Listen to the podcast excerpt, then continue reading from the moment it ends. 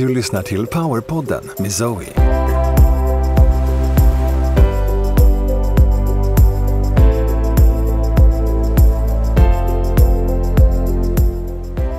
Zoe är en av Skandinaviens ledande spirituella lärare. Genom tv-succén Livet på andra sidan och den bästsäljande boken Mastering the Art of Success med Jack Canfield delar hon sina unika koncept Be an Attractive Magnet och Nordic Light Healing med hela världen. Varmt välkomna tillbaka till ett nytt avsnitt av Powerpodden med mig Zoe. Och idag så tänkte jag faktiskt avslöja två stycken hemlisar. Det har ju gått väldigt lång tid sedan de här två händelserna skedde. Så jag tänker att eh, det är väl preskriberat nu här.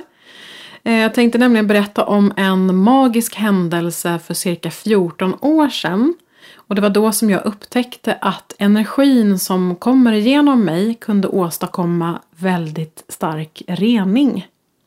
Och den här händelsen blev också startskottet för min healing. Eftersom jag förstod då hur kraftfull den här energin är som jag jobbar med, som eh, kommer igenom mig, som jag brukar uttrycka det som. Så det blir en hel del fokus på healing i det här avsnittet. Hur det hela började för mig och hur samarbetet ser ut med de som vägleder mig i mitt arbete.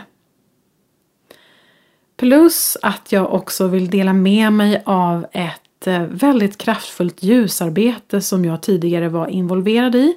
Som vi gjorde i Washington för jag vet inte hur många år sedan men det är ganska länge sedan också. Men först så tänkte jag att vi skulle ta upp tråden med den här mediala leken eller mediala lekarna. Idag så vill jag eh, assistera dig i att koppla in dig på vad jag kallar för informationsfältet. Det vill säga det, det energifält som, som eh, innehåller den informationen som finns, finns tillgänglig för dig. Vi har ju möjlighet att öppna upp för all information egentligen. Men det är också eh, information som finns tillgänglig för dig eh, eftersom det är det som du behöver få reda på. Och eh, det är inte alltid så att man får den informationen som man kanske vill ha eller så. Men i alla fall att koppla in sig på det här fältet som gör det tillgängligt för oss. Sen vet man ju som sagt inte vad som är det högsta bästa att man får information kring. Och tanken också med uppstigningen är ju att vi ska få tillgång till all information i fältet eftersom vi siktar på och ska gå in i en så kallad multidimensionalitet. Vi går från 3D-verkligheten till ett multidimensionellt varande och i det multidimensionella varandet så finns all information tillgänglig för oss. Det låter ju lite mycket att processa. det är lite så här ADHD deluxe känns det som. Men eh, vi får se hur vi hanterar det. Jag tror mer det handlar om där, kommer till mig nu, att vara i nuet egentligen och få den information som man behöver i varje mikrosekund. Eh, det är inte så att allting finns tillgängligt och att man tar in all information i och med det samtidigt. Utan det sker ju ett fokus så att säga. Man, man väljer att förflytta sitt medvetande, förflytta sitt fokus och också få den, den information som, som man eh, eh, eh, riktar in sig på så att säga. Och i och med att vi också har tillgång till all information i informationsfältet som uppstigna så att säga så sker det ju en fullständig transparens. Och det är lite av det som vi också märker mer och mer nu att det avslöjas saker och allting blir mera transparent. Det går inte att stoppa undan information. Det går inte att undanhålla både på ett privat plan och även då i samhället, i det kollektiva. Ehm, det där kommer jag utveckla lite mer om i ett annat poddavsnitt för det är väldigt intressant. För det finns eh, både den ljusa sidans eh, användning av transparens likaså den mörka sidan eh, som använder sig av kontroll vid transparens. Så att, eh, ja, men det blir ett senare avsnitt, det ska vi inte gå in på just nu. Men du kan börja med bara att, att stilla dig en stund. Du får jättegärna sluta dina ögon om du inte sitter och kör bil eller något annat som kräver din uppmärksamhet. Dina, dina barn till exempel som behöver tittas till kanske. Så du får jättegärna sluta dina ögon och bara stilla dig. Komma till en lugn plats inuti dig. Landa i hjärtat. Och bara andas här. Andas i hjärtat. Du får jättegärna hålla dina händer på hjärtat. För att etablera den här stadiga kontakten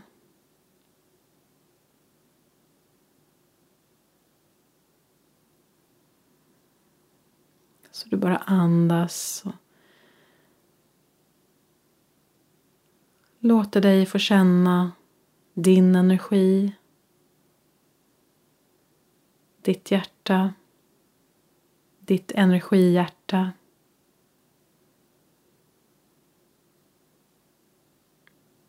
Och du känner att du får med dig hela kroppen i andetaget.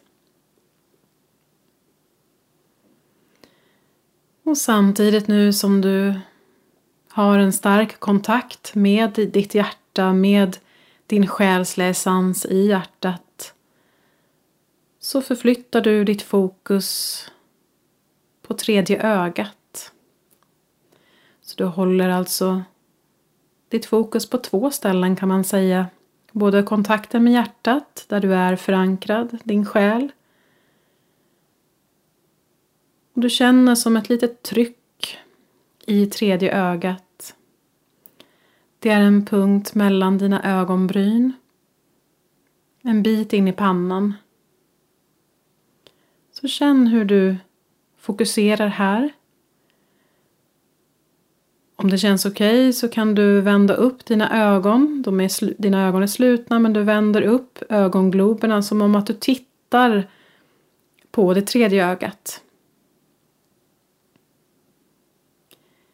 Och känner i och med det att det sker en ytterligare aktivering som ett tryck i tredje ögat.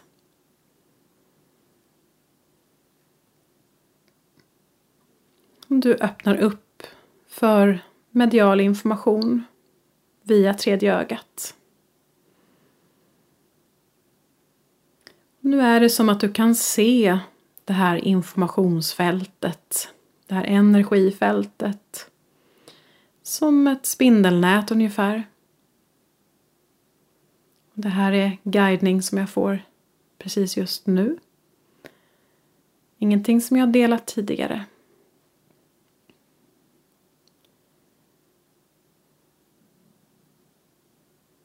I det här informationsfältet så finns allt och alla connectade med varandra. Vi har alla kontakt med allt och alla via det här fältet som jag just nu kallar för informationsfältet.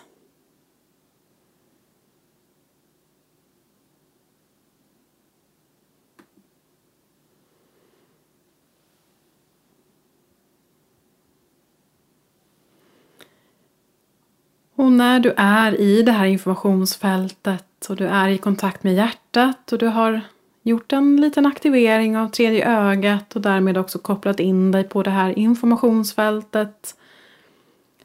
Så ställer jag en fråga. Kan du se, kan du förnimma vad det är som jag brukar lägga i min bakficka på mina byxor? Det är någonting jag plockar och sen lägger i min bakficka. Vad är det för någonting? Och varför gör jag det här? Det första som kommer till dig, bara lita på de bilderna som kommer för ditt inre. Kanske du får information, bara vet. Kanske du hör. Allt allt är välkommet. Vi har alla olika sätt att få medial information. Och du bara lägger det här på minnet. Kan anteckna så att du inte glömmer bort. Och du kommer tillbaka till rummet. Du kan känna ett litet tryck mot tredje ögat fortfarande. Du har öppnat upp ditt, ditt inre seende. Och jag kommer att avslöja vad det är i slutet av podden.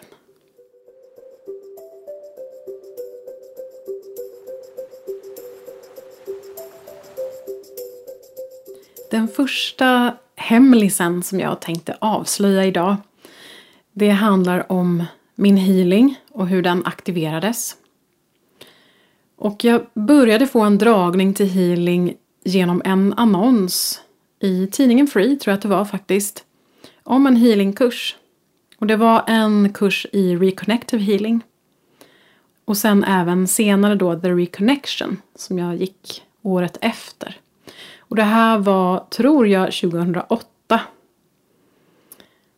Så jag såg den här annonsen om den här healingkursen och kände bara direkt att jag skulle gå den. Jag hade egentligen ingen erfarenhet alls av healing. Jag hade inte tagit emot healing. Jag visste knappt vad det var för någonting faktiskt. Det här var ju ganska så i början ändå av min spirituella utveckling. Men i och med den kursen så var det som att min inneboende healingförmåga och kraft väcktes. Jag behövde den här kursen då som någon slags igångsättare. Och det var genom den som jag sen bara kunde, kunde börja ge healing helt enkelt. Så jag behövde ha en, en eh, nyckel eller en inkörsport för att öppna upp mig själv för att eh, ja, dra igång med min healingförmåga helt enkelt. Så strax efter att jag hade gått min första och enda healingkurs så var jag ju väldigt ivrig att komma igång och pröva mina vingar. Och jag minns att jag gjorde en healing på min mamma och en healing på min syster. Och sen så tyckte jag att ja, men det här kan ju jag. Vilket är väldigt ovanligt för att vara mig. Men jag kände att nej, men det, här, det här vill jag göra och det här kändes så starkt och det kändes så hemma på något sätt. Även om det här var precis, precis i början, jag hade bara prövat lite grann. Så kände jag bara att nej, men det här ska jag göra. Så då valde jag att sätta, att sätta ut en annons, också i tidningen Free faktiskt. Så det var på den vägen som det, som det började allting. Jag hade ju också gått en medial kurs för Vendela Cederholm och eh, gänget där. Det gick bara en termin faktiskt, men då kände jag också att nej men det, det gick så pass bra så att eh, jag ville börja jobba med det på en gång. Och det är som sagt väldigt, väldigt ovanligt för att vara mig att ha en sån stark, ja, sån, sånt, sånt självförtroende. Så. Men jag tror att jag kände mig bara så hemma och det var min, min själ som kallade. Så att jag jobbade med Reconnective Healing under ett litet tag, inte särskilt lång tid faktiskt. För nästan så direkt när jag började jobba med healingen, när jag tog emot klienter, så fick jag ta emot direktiv från mina guider. Och det här var olika healing-experter som kom under sessionerna, ställde sig vid bänken vid klienten och gav mig instruktioner på hur jag skulle göra. De visade olika saker i energifältet och det var ju också så att jag, jag såg ju själv, de behövde inte alltid visa på det sättet. Så att jag såg ju själv i energifältet vad det var stopp och Eh, vad, det vad, vad som behövdes eh, för just den här klienten. Och det framförallt mina då utomjordiska guider gav mig eh, information kring var ju olika metoder som jag kunde jobba med. Och det här är ju en, en lång kurs att gå igenom men jag bara nämner det nu här. Så de eh, gav mig information, instruktion hur jag skulle göra. Att gå dit, gör så, gör si, gör så. De gav mig verktyg, de kom ner med olika saker och assisterade mig som ungefär som vid en operation. Att man har operationssköterskor som går runt och assisterar då kirurgen. Så att eh, jag var då kirurgen, eller är kirurgen i sammanhanget. Energikirurgi skulle jag säga, skulle kunna kalla det för. Energihealing. Så det var så det började ganska så snart när jag drog igång med min Reconnective Healing. För, ni, för er som inte känner till Reconnective Healing så är det ju att man egentligen bara inom citationstecken står och håller händerna, man står och viftar med händerna och överför den energin som är väldigt kraftfull. Och mina guider vet ju då att jag blir lite uttråkad när det inte händer så jättemycket. Bara stå och vifta med armarna kändes väldigt tråkigt. Och det var därför de började ge mig en massa, massa information kring, kring klienten och kring eh, vad jag kunde jobba med för olika verktyg och så. Så att de som kom var ju då healing-experter. De var framförallt från Sirius och eh, Plejaderna. Så de blev mina samarbetspartners och har funnits med mig också sedan dess. Och det är ju olika som kommer som jag upplever det som. Också för att de har olika kompetens och kan ge mig olika verktyg och så. Men jag fick så mycket information under sessionerna. Och eftersom som sagt Reconnective Healing är bara att, att ja, föra över den här energin och bara hålla spacet och bara vifta med armarna så, så kände jag ju också att jag kan inte säga att jag jobbar med reconnected Healing eh, fortfarande utan jag bytte ju namn där till Nordic Light Healing för jag kände att, att det, det här är mer den, den healingformen som jag personligen arbetar med. Så det namnet kom väldigt starkt som jag haft då sedan dess. Jag upplevde också att den energin, eller de olika energierna ska jag säga, för jag upplevde att det var olika energier som kom igenom mig beroende på vad klienten behövde. Om det var reningsenergi, om det var kärleksenergi eller om det var ja, olika koder som skulle tillföras eller lösa upp knutar, blockeringar och så vidare. Det har varit väldigt många olika flavors eller olika eh, typer av energier som, som har kommit igenom. Och jag upplevde också faktiskt att, att eh, den energin som jag jobbade med var mer högfrekvent än reconnective healing. För att jag känner det i mitt system att det var andra frekvenser som jag jobbade med. Så det var anledningen till att jag bytte namn. Jag vet kanske att det kan vara några som undrar lite grann vad skillnaden är mellan Reconnective Healing och Nordic Light Healing och varför jag bytte namn. Varför jag valde att göra det. Så jag jobbar inte längre med Reconnective Healing och det har jag inte gjort på, jag vet inte om det, ja men det är väl drygt, det är väl 13 år sedan eller någonting nu. Men nåväl, eh, men under den här tiden arbetade jag på ett labb på ett laboratorium i eh, Huddinge på Karolinska sjukhuset utanför Stockholm. Och jag arbetade då inom DNA-vaccinforskningen. Hör och häpnad. Eh, inte så mycket inne på den, på den linjen längre. Men jag är jätteglad över att jag har varit i de korridorerna, ska jag säga. Även om jag forskade inte själv, ska jag förtydliga. En del tror att jag har forskat men det, det blev aldrig så. Jag sökte eh, ungefär, jag tror 250 stycken doktorandtjänster när jag hade gått ut eh, min utbildning. Men det var ingen som nappade och ville ha mig där.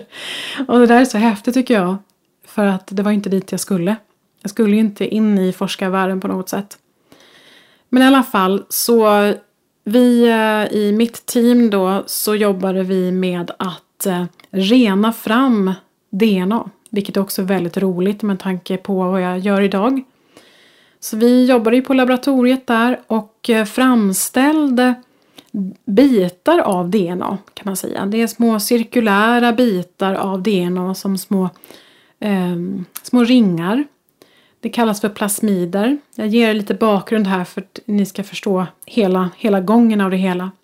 Och det här var ju inom HIV-vaccinet ehm, då. Så att det vi gjorde var att vi tog fram, renade fram DNA-bitar, de här plasmiderna, DNA-plasmiderna och eh, levererade dem till en forskare som jobbade inom HIV-vaccinet eh, och ville framställa ett HIV-vaccin.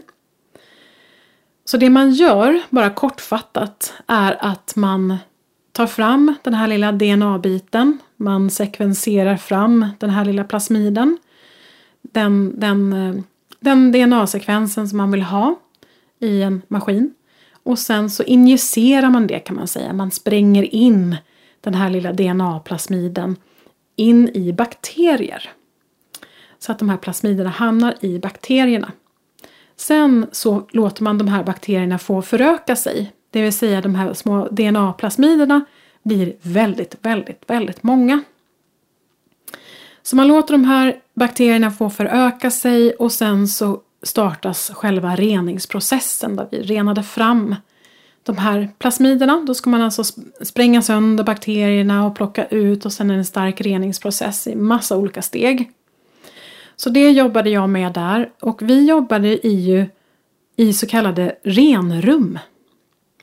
Med, eh, det var flera slussar, flera rum. Ehm, så slussar emellan och så nästa rum och sen sluss till och så nästa rum. För att det skulle bli renare och renare. Man skulle tvätta sig enligt ett specifikt schema och man skulle klä på sig enligt ett specifikt schema i varje sluss. Så man skulle ta i, vi hade som en rymddräkt på oss. Och den, väldigt knasig ut. Men, och den skulle man klä på sig på ett visst sätt. Man skulle hålla i den här rymddräkten på specifika punkter för att det skulle bli så rent, eller skulle vara så rent som möjligt. Det var jätteviktigt. Så det var väldigt, väldigt kontrollerat och väldigt... Eh, det var en steril miljö. Det skulle, i, det sista rummet så var ju tanken då att det skulle vara helt rent. Eh, helt sterilt. Man gjorde ju så, vi jobbade på det här sättet för att de här plasmiderna som vi då tog fram, de här DNA-plasmiderna, de eh, skulle ju sen i eh, forskningen injiceras direkt in i patient. I de här försökspersonerna då.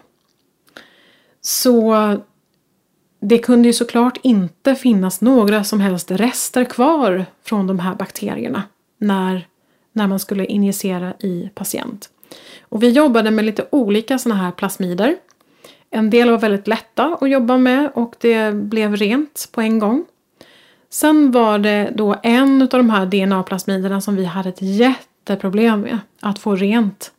Så det var alltså kvar rester ifrån bakterierna i slutvätskan eh, eh så att säga som då sen skulle injiceras direkt i patient. Och man mäter ju det här så att det får inte komma upp till ett visst värde. Utan det måste vara helt, helt rent, helt sterilt för att kunna injiceras i patient. Men vi hade jätteproblem med just den här plasmiden. Och vi visste inte hur vi skulle komma runt det. Och vi försökte med att ändra på själva protokollet göra de olika stegen på ett annat sätt. Och, ah, ja, vi, jag kommer inte ihåg exakt hur vi gjorde men vi försökte i alla fall förfina metoden eh, i själva reningsprocessen där för att det skulle bli helt rent. Men vi lyckades aldrig och vi höll på med det här i flera månader. Och den personen då, den kvinnan som var gruppledare, hon var väldigt frustrerad och svettig och vi var väl också rätt så frustrerade eftersom den här forskaren då ville ju såklart ha sin plasmid så att hon kunde fortsätta med sin forskning. Men tiden gick och vi fick inte till det helt enkelt. Och vid samma tidpunkt ungefär, det här är någonstans 2008 skulle jag tro, så hade jag ju gått min healingkurs. Och jag var ju supertaggad på att pröva mina vingar överallt. Så jag, jag, testade allt möjligt som man kunde eh, göra. Så jag fick ju den briljanta idén att när jag sitter själv i min rymddräkt inne i det renaste, renaste, renaste rummet med slutprodukten eh, av de här, den här plasmiden då, det är ju bara, bara vätska och de här plasmiderna eh, inuti då. Så då tar jag de här behållarna, de här flaskorna och sätter dem en och en mellan mina händer. Känner hur energin flödar mellan mina händer, kopplar upp mig och har som intention att rena de här proverna. Rena den här vätskan. Jag visualiserar. Det är det jag jobbar väldigt, väldigt mycket med. Jag visualiserar och tittar på hur det ser ut. Jobbade då med en reningsenergi som fick vandra fram och tillbaka mellan mina händer. Och jag gjorde ju det här bara egentligen på lite skoj. Det var ju lite som en lek för mig. Eftersom jag var ju helt ny i det här. och tänkte, att jag prövar. Det här, det här blir jättekul. Och jag berättade ju såklart inte det här för mina kollegor. Det hade nog inte blivit så poppis, tror jag. Och sen då när det var dags för ja, möte kring den här plasmiden. Så vi, hade ju, vi var en ganska liten grupp. Det var ju min chef och så var det gruppchefen och så var vi tre stycken som jobbade med, med själva reningsprocessen. Då. Så vi var väl fem personer på det här mötet. Och så säger hon då som är ansvarig för eh, produktionen att eh, hon hade ett väldigt glädjande men också väldigt förbryllande besked. Att proverna nu äntligen hade blivit helt rena. Och att de aldrig har varit så rena någonsin förut. Inte ens andra prover som har varit normalrena så att säga. Så, och där sitter jag vid mina kollegor och jag visste inte vad jag skulle ta vägen. Jag höll på att sjunka genom jorden. Jag tänkte, gud ska jag gå in på toaletten och bara göra små glädjeskutt? Jag ville ju bara skrika ut att Oh wow, det fungerade! Men jag kunde inte säga någonting. Jag vågade inte säga någonting.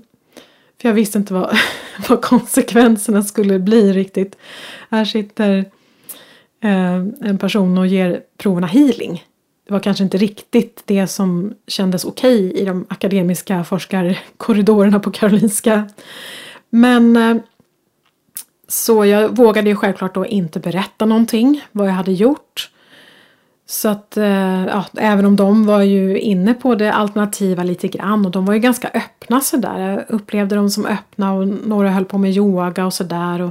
de var ganska nyfikna på det som jag höll på och utforska då i mitt privatliv det här med det mediala och med healingen och så för det hade jag ju ändå berättat för dem att jag eh, att jag hade gått de här kurserna och att jag var inne på det och så. Så de var ju väldigt öppna men nu var vi ju självklart i en väldigt strikt forskarmiljö där ja, vetenskapen är ju det styrande elementet. Så självklart så kunde jag ju inte säga någonting. Så där och då förstod ju jag vilka enorma krafter och vilka enorma energier som finns att tillgå och vad vi har att arbeta med som verktyg. Så det var en väldigt, väldigt viktig händelse för mig för att jag förstod att det här kan göra underverk. Och som många utav er där ute har ju säkerligen också upplevt många underverk genom eran healing. Så, och, och att ni vet hur kraftfull, hur kraftfull healing kan vara. Men som sagt, jag sa ingenting men, mitt, men inombords så jublade min själ så högt. Och jag kände också att det är det här jag ska jobba med. Det är ju det här jag ska göra. Så det här var ju 14 år sedan och jag anser det vara preskriberat för jag vet att jag bloggade kring det här strax efter och min chef råkade av någon anledning vara in på, inne på min eh, hemsida då, solan.se som jag hade redan på den tiden. Jag hade precis startat upp den då för att jag ville starta upp min verksamhet. Och han hade varit inne där och läst det här blogginlägget av någon anledning. Och han eh, blev inte jätteglad att jag hade skrivit om det här eftersom det kan komma fram och så. Men nu känner jag att nu har det gått så otroligt lång tid. Eh, och att jag, jag känner också att det är viktigt att jag berättar det här. För att eh, det kan ge inspiration till andra att utforska sin healing och vad vi kan, vad vi kan göra med energier. För det är så kraftfullt och det har en verkan på det fysiska. Så det här kom ju som en fantastisk gåva för mig. Att jag fick pröva mina vingar på det här sättet så tidigt i min healingkarriär eller man ska säga. Så att jag förstod att det här fungerar. Och jag tror lite det är därför som jag har så pass bra, man ska säga, självförtroende när det gäller vad energin kan göra eller vad energierna kan göra. Även om jag går inte in för att bevisa på något sätt att den här energin gör sig och så i din kropp eller så. Jag kan inte bevisa det utan att man gör en massa undersökningar och tar prover och sånt. Och det, det skulle vara jätteintressant om det är någon läkare eller några läkare som vill samarbeta och kunna se vad man kan göra med healingen, absolut. Men det har inte blivit så än och jag vet inte om det är meningen. Men jag vet att det fungerar. Jag vet det.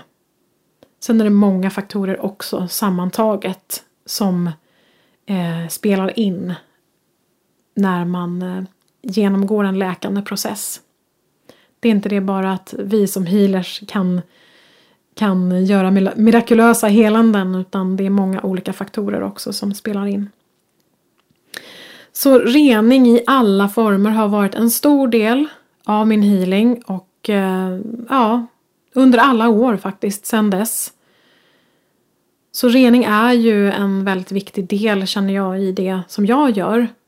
På många olika plan. Det känns ju som att vi är ju många av oss här på ett väldigt stort städuppdrag. här på den här planeten. Vi är här för att städa upp helt enkelt. Så egentligen har ju reningsprogrammet funnits med ända från början för mig. Det har liksom legat där i bakgrunden och puttrat och jag har känt att det här ska vi göra. Men det var ju inte förrän ungefär 14 år efter den här stora första reningen som jag var med om som reningsprogrammet skulle släppas. Också som jag sagt tidigare så har det varit så viktigt för mig att komma upp till en viss eh, eh, frekvens för att också kunna klara av de attacker som det innebär att göra en sån här sak. Jag har inte varit tillräckligt stark förrän nu. Och ibland undrar jag om jag, om jag är det ens en gång nu. Men det känns som att, eh, att det går att hålla space för det. Det är det jag upplever i alla fall. Så jag är ju väldigt, väldigt tacksam för att jag får möjligheten att dela med mig av de här starka reningsenergierna i reningsprogrammet. Det känns jätte, jättefint verkligen och vi gör ju det här programmet tillsammans. Det kommer ju komma en del två också som jag håller på och klurar fortfarande lite grann på men det är ju också att hjälpa anhöriga eftersom de påverkar oss eh, som deltar i programmet. Eh, det handlar också om mind control. Att släppa mind control, att klippa av de ja, påverkansmöjligheterna, eh, man ska kalla det för, som, som ja, den mörka sidan har haft på mänskligheten. Att klippa av de mind control-trådarna. Tänker också eh, att laga auran är en viktig del. Att laga energifältet. Vi får se lite grann vad det landar i. Jag håller fortfarande på att låta det här få marineras eh, lite grann. Får vi se när det är dags att eh, spela in och släppa del två av reningsprogrammet.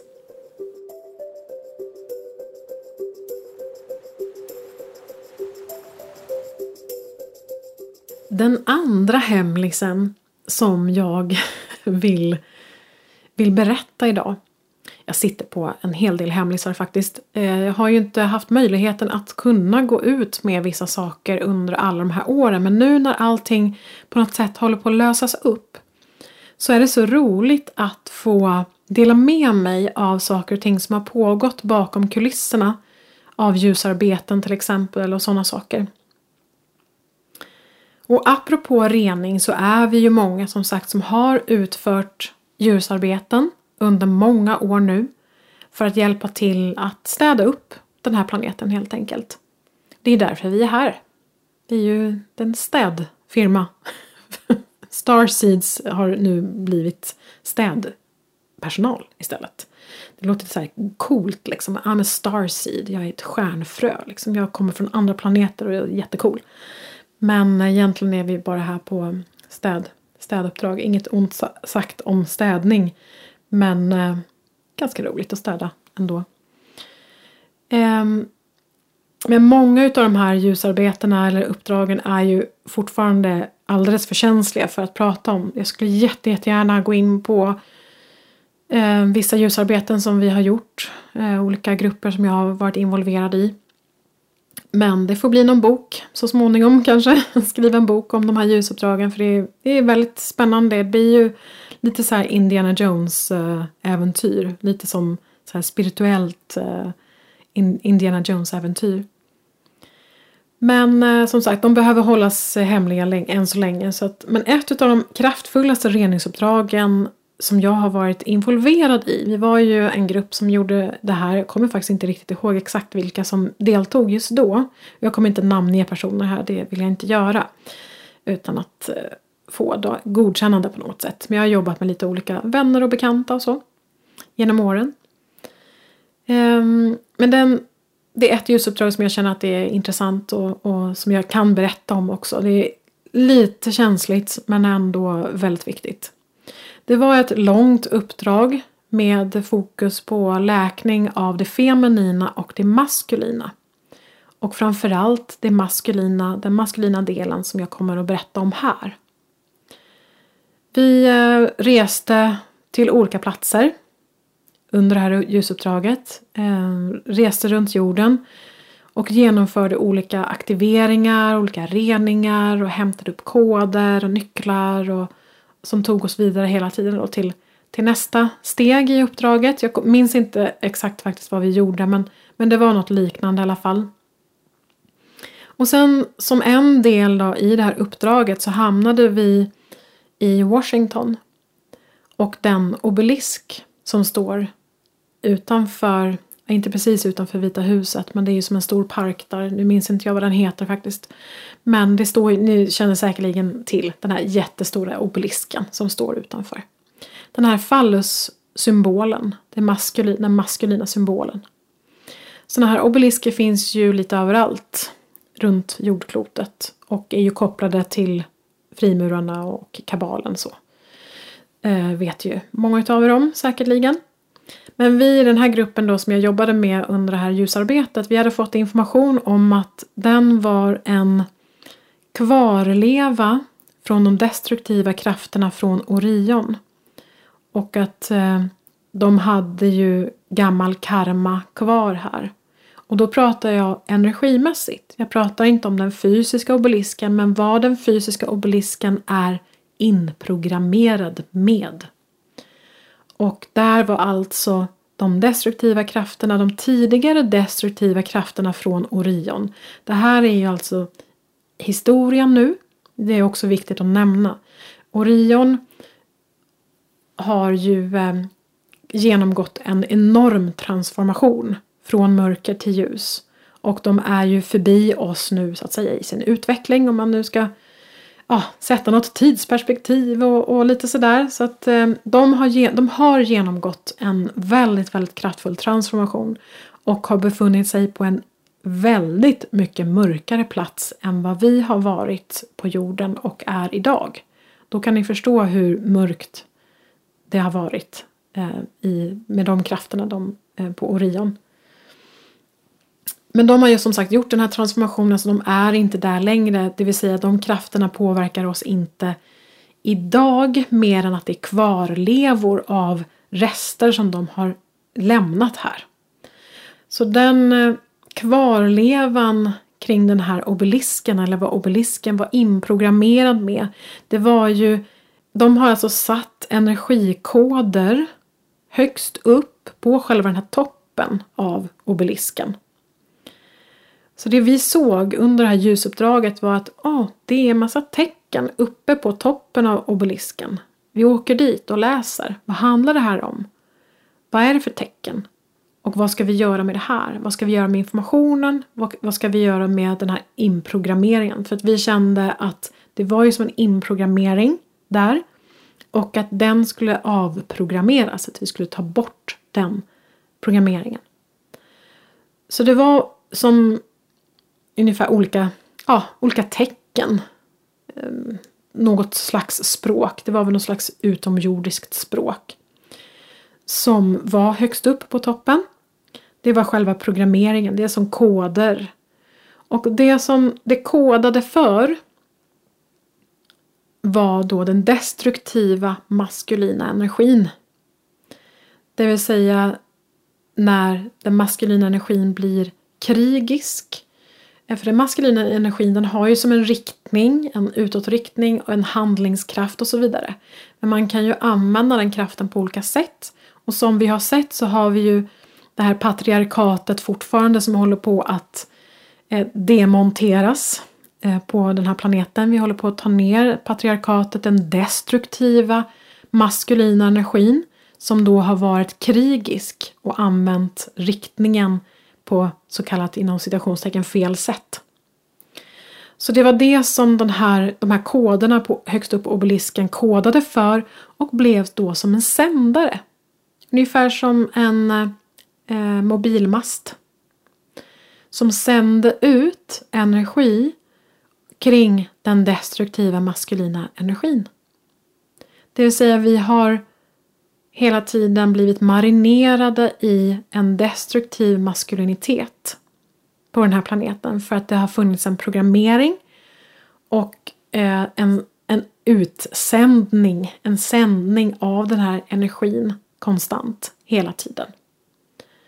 Jag har faktiskt inte, eller vi har inte tittat på de andra obeliskerna. Det här var ju, ja, jag vet ju inte vilket år det går att tänka tänka på såklart, eller det går att ta reda på. Men eh, jag kommer komma till det om en liten stund. Men de andra obeliskerna har vi inte tittat på. Det skulle vara jätteintressant om det är några andra som har jobbat med dem faktiskt. För det, det, kom, det föll inte på våran lott, den gruppen som jag jobbade med då. Men i alla fall så har ju så, såklart säkerligen funnits liknande programmeringar på de andra platserna runt om på jorden. De andra obeliskerna som också har pumpat ut den här destruktiva maskulina energin. Så det vi gjorde var att vi eh, avprogrammerade, vi tog bort de här koderna för det fick vi tillåtelse att göra för de hade tjänat ut sitt syfte så att säga. De eh, destruktiva krafterna hade inte ett fäste längre så att säga.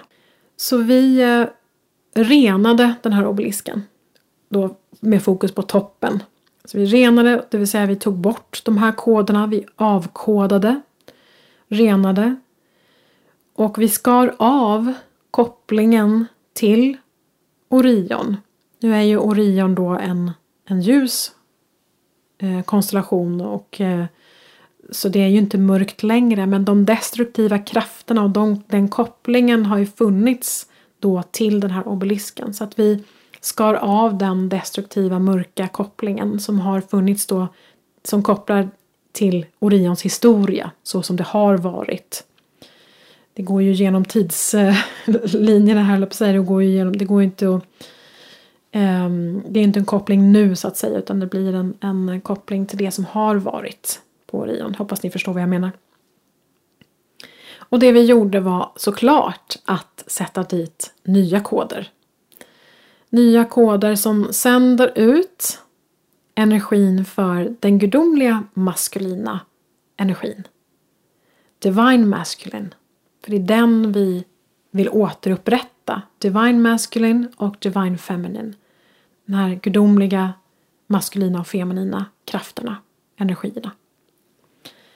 Så jag minns detta uppdraget som väldigt kraftfullt på många, många olika sätt.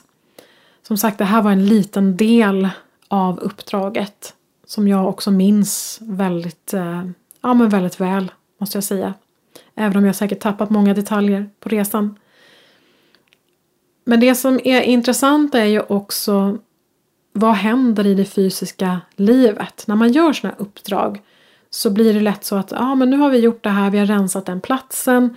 För mig känns det renare, det känns bättre. Och folk omkring kanske upplever det mycket bättre på en plats. Nu kommer jag på också det här, del två av reningsprogrammet kommer vi göra en husrening också. Det glömde jag bort att säga. Eh, så det är många som upplever såklart en skillnad i energin. Men sker det någon fysisk skillnad? Kan man märka någon skillnad i, det, i, det fysiska, i den fysiska världen? För många gånger när man jobbar med energi så känns det som att man jobbar med luft. Och man får kanske inte resultat, eller man ser kanske inte resultat, man tycker att man inte ser resultat. Och därför ville jag ta det här exemplet också med de här proverna som jag jobbade med att rena. Därför att jag såg resultat på en gång. Och därför kunde jag få bevis på att det verkligen fungerar. Det som hände strax efter vi hade avkodat obelisken och eh, nykodat med den gudomliga maskulina energin var att metoo-rörelsen drog igång. Och visst, man kan, eh, man kan ja, kanske tro att det inte hade med det här att göra men för mig och för oss i, i den gruppen tror många utav oss i alla fall, jag kan inte prata för de andra personerna så men för mig så var det väldigt tydligt att precis strax efter så blev det en enorm våg kring övergrepp och den, just den destruktiva maskulina energin som har härjat runt jättemycket. Eh, hierarkier och utnyttjanden och så vidare i alla branscher, i alla led. Så det, det var ju, metoo-rörelsen för mig var ju väldigt viktig där på många, många sätt. Och det var för mig beviset på att det som vi gjorde i det här ljusuppdraget faktiskt verkligen hade en, en verkan i det fysiska livet. Så känner jag i alla fall. Och jag vet att en del säger också att metoo-rörelsen var en kontrollerad opposition, operation ledd av kabalen. Att det fanns mörka krafter som drog igång den här och att det fanns andra syften och så. Jag vet att det är folk som säger så. Ehm, det är mycket möjligt. Det är jättesvårt, jättesvårt att säga. Men eh, för mig har den i alla fall haft sin verkan och har säkerligen än idag. Och om det nu var så att kabalen låg bakom den här rörelsen, metoo-rörelsen, så blev det ju som det brukar och också som det skulle därför att det är ju så att vad den mörka sidan än försöker att göra så använder den ljusa sidan den aktionen så att säga. Om mörka sidan försöker göra någonting så använder sig den ljusa sidan av den eh, för att driva igenom den stora ljusa planen. Som jag myntade lite grann för min egen del i alla fall i början av C-cirkusen, den stora ljusa planen. Så att den ljusa sidan använder sig alltid av den mörka sidans eh, strategier och vad de gör för någonting. De, tar en, de gör en aktion, sätter igång Eh, den här cirkusen och, och den ljusa sidan använder sig av deras eh, galenskaper för att driva igenom den stora ljusa planen. Och alla mörka försök slår ju tillbaka på dem själva, slår tillbaka på den mörka sidan i slutändan. Och det sker ju också ett avslöjande i och med att de mer och mer blir, de blir mer och mer desperata och det blir mer och mer uppenbart vad det är som pågår. Så att de avslöjar sig själva genom det. Och den ljusa sidan använder sig av deras planer för att kunna eh, transformera allting. Det här var i alla fall ett väldigt kraftfullt ljusarbete som eh, vi gjorde och som jag ville dela med mig av idag. Och det vi ljusarbetare gör har en stor inverkan på det fysiska. Det vill jag verkligen trycka på idag. Och det har ju som sagt varit många, många ljusarbeten genom åren och de, de flesta kan inte jag prata om just nu. Eh, och jag vet att det är många där ute som har varit med om olika ljusuppdrag. Det vore jätteintressant att få ta del av era, era strapatser och det som kan avslöjas. Också för att eh, vi behöver ha lite positivitet nu och eh, ge varandra cred för det här har vi skapat. Det här har vi gjort tillsammans. Så du får jättegärna mejla in på poddmejlen. då är det podd, P-O-D-D, snabela zoeland.se. Så det får du jättegärna mejla in och berätta. Och är det så att du har magiska berättelser som du har varit med om i ditt liv, eh, magiska ting, mirakler som har skett, så får du jättegärna mejla in det också. Det vore jättefint att ha ett avsnitt, eller kanske blir flera, där jag eh, delar med mig lite grann om vad alla ni andra ljusarbetare har upplevt och alla ni andra healers och mediala har upplevt under de här åren som har varit nu här. Mycket sedan 2012 skulle jag säga. Ehm, så det vore kul att få lyfta, lyfta fram allt fint arbete och ge, inge hopp. För det är så vi också kan tuffa vidare mot vårt, vårt mål, den nya jorden.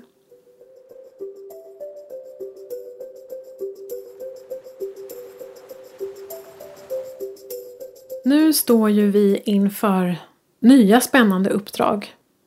Och det roliga är ju att nu kan vi ju göra de här ljusuppdragen mera öppet.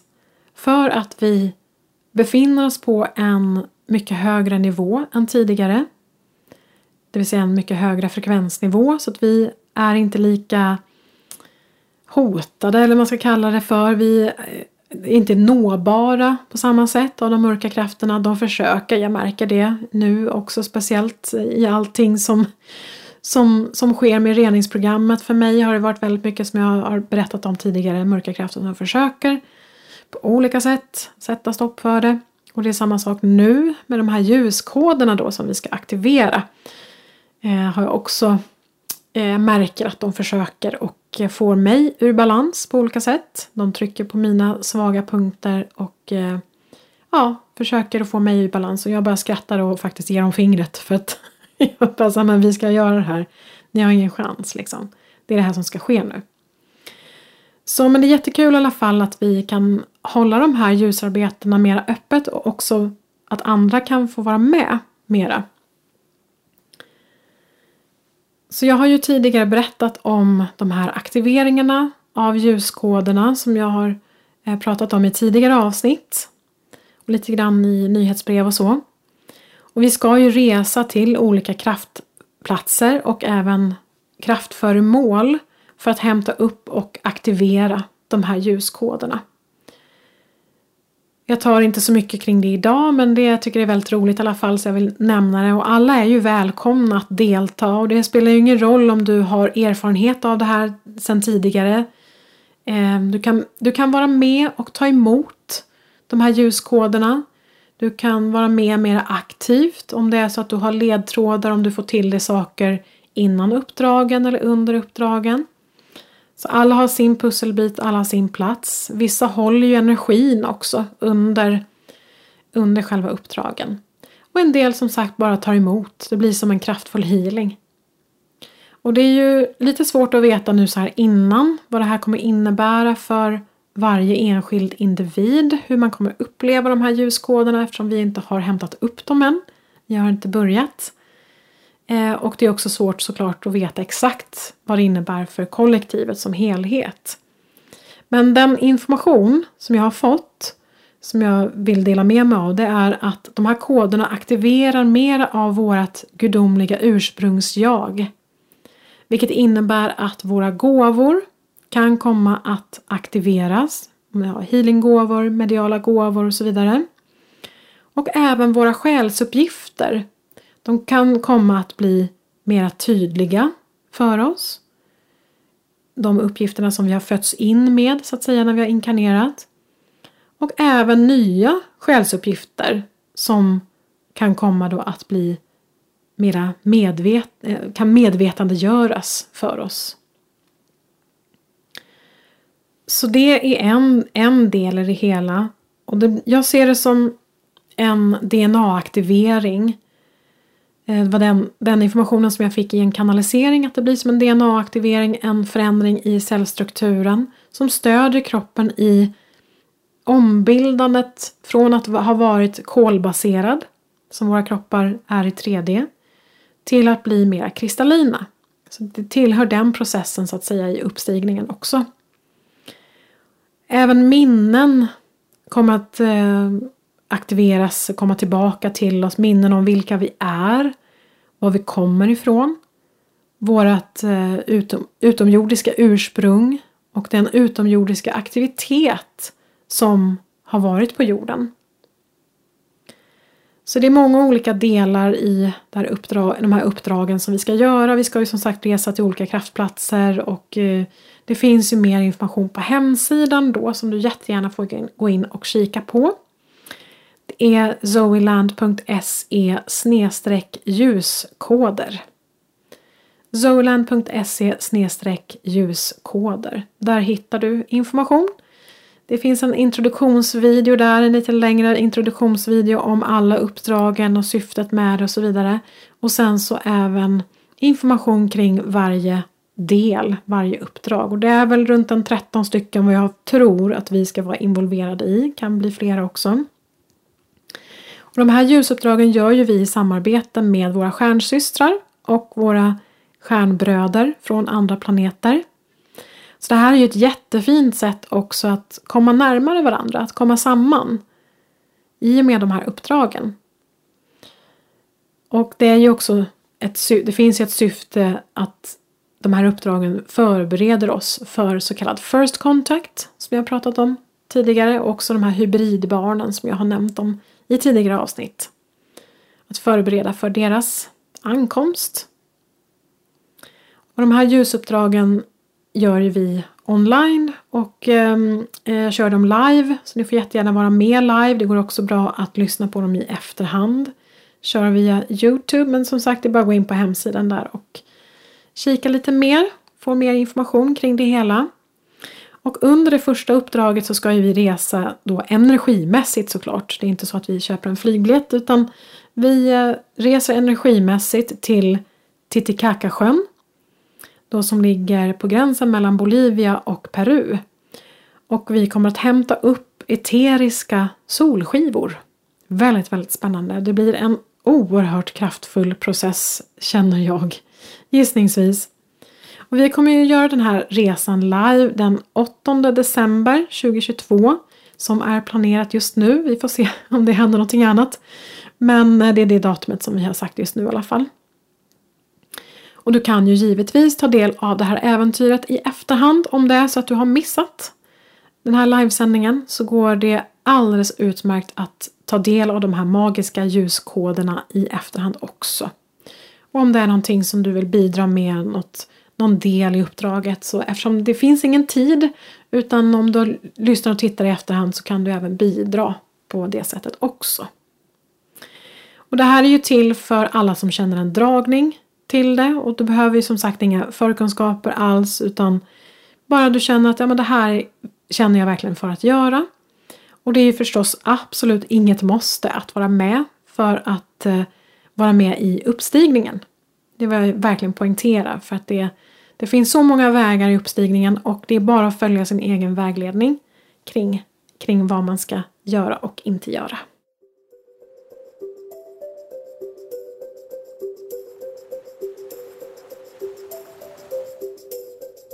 Avslutningsvis nu då så ska jag självklart avslöja vad det är som jag lägger i min bakficka och varför.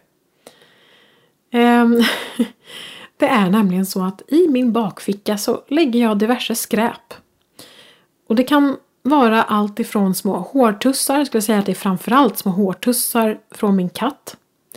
Eh, blandat med lite annat smått och gott. Lite damm kanske. Inte så mycket damm men det är mest eh, hårtussar från min, min katt. Det kan även vara små andra små skräpsaker, små smulor eller eh, ja, framförallt i köket. Och om det, man har dragit in någon smuts utifrån eller sådär. Jag dammsuger ju också såklart. Men, men, men det finns en anledning till att jag plockar de här små matresterna eller smulorna eller som ligger på golvet och överallt. Eh, inte överallt, men ja, ni förstår. Därför att det är nämligen så att min katt är en riktig liten slickis. Hon slickar på allt. Hon är också en städerska och jag tänkte inte på det här när jag hade tänkt att ta det här exemplet att det är ju genomgående då städ, städterapi, eller på säga, städtema i det här poddavsnittet. Ehm, men eh, hon är en riktig slickis. Hon slickar på allt eh, och städar gärna efter sig när det gäller eh, sina små hårtussar och så. Så det gäller för mig att eh, plocka upp de här små tussarna och eh, skräpbitarna och så för att hon inte ska få i sig det helt enkelt. Det skulle vara intressant att se om det var någon som gissade rätt. Det kanske var många som trodde att jag la mobiltelefonen i bakfickan. Det gör jag ibland också på flygplansläge, självklart. Eftersom jag är så känslig för mobilstrålning så har jag den oftast på eh, flygplansläge. Nåväl, Eh, det var allt för idag och ta hand om er så mycket ni bara kan nu och ha en härlig fortsatt dag, kväll, helg när du nu lyssnar på det här. Stor, stor kram till er där ute så ses vi och hörs vi snart igen. Ha det bra! Hejdå! Hej hej!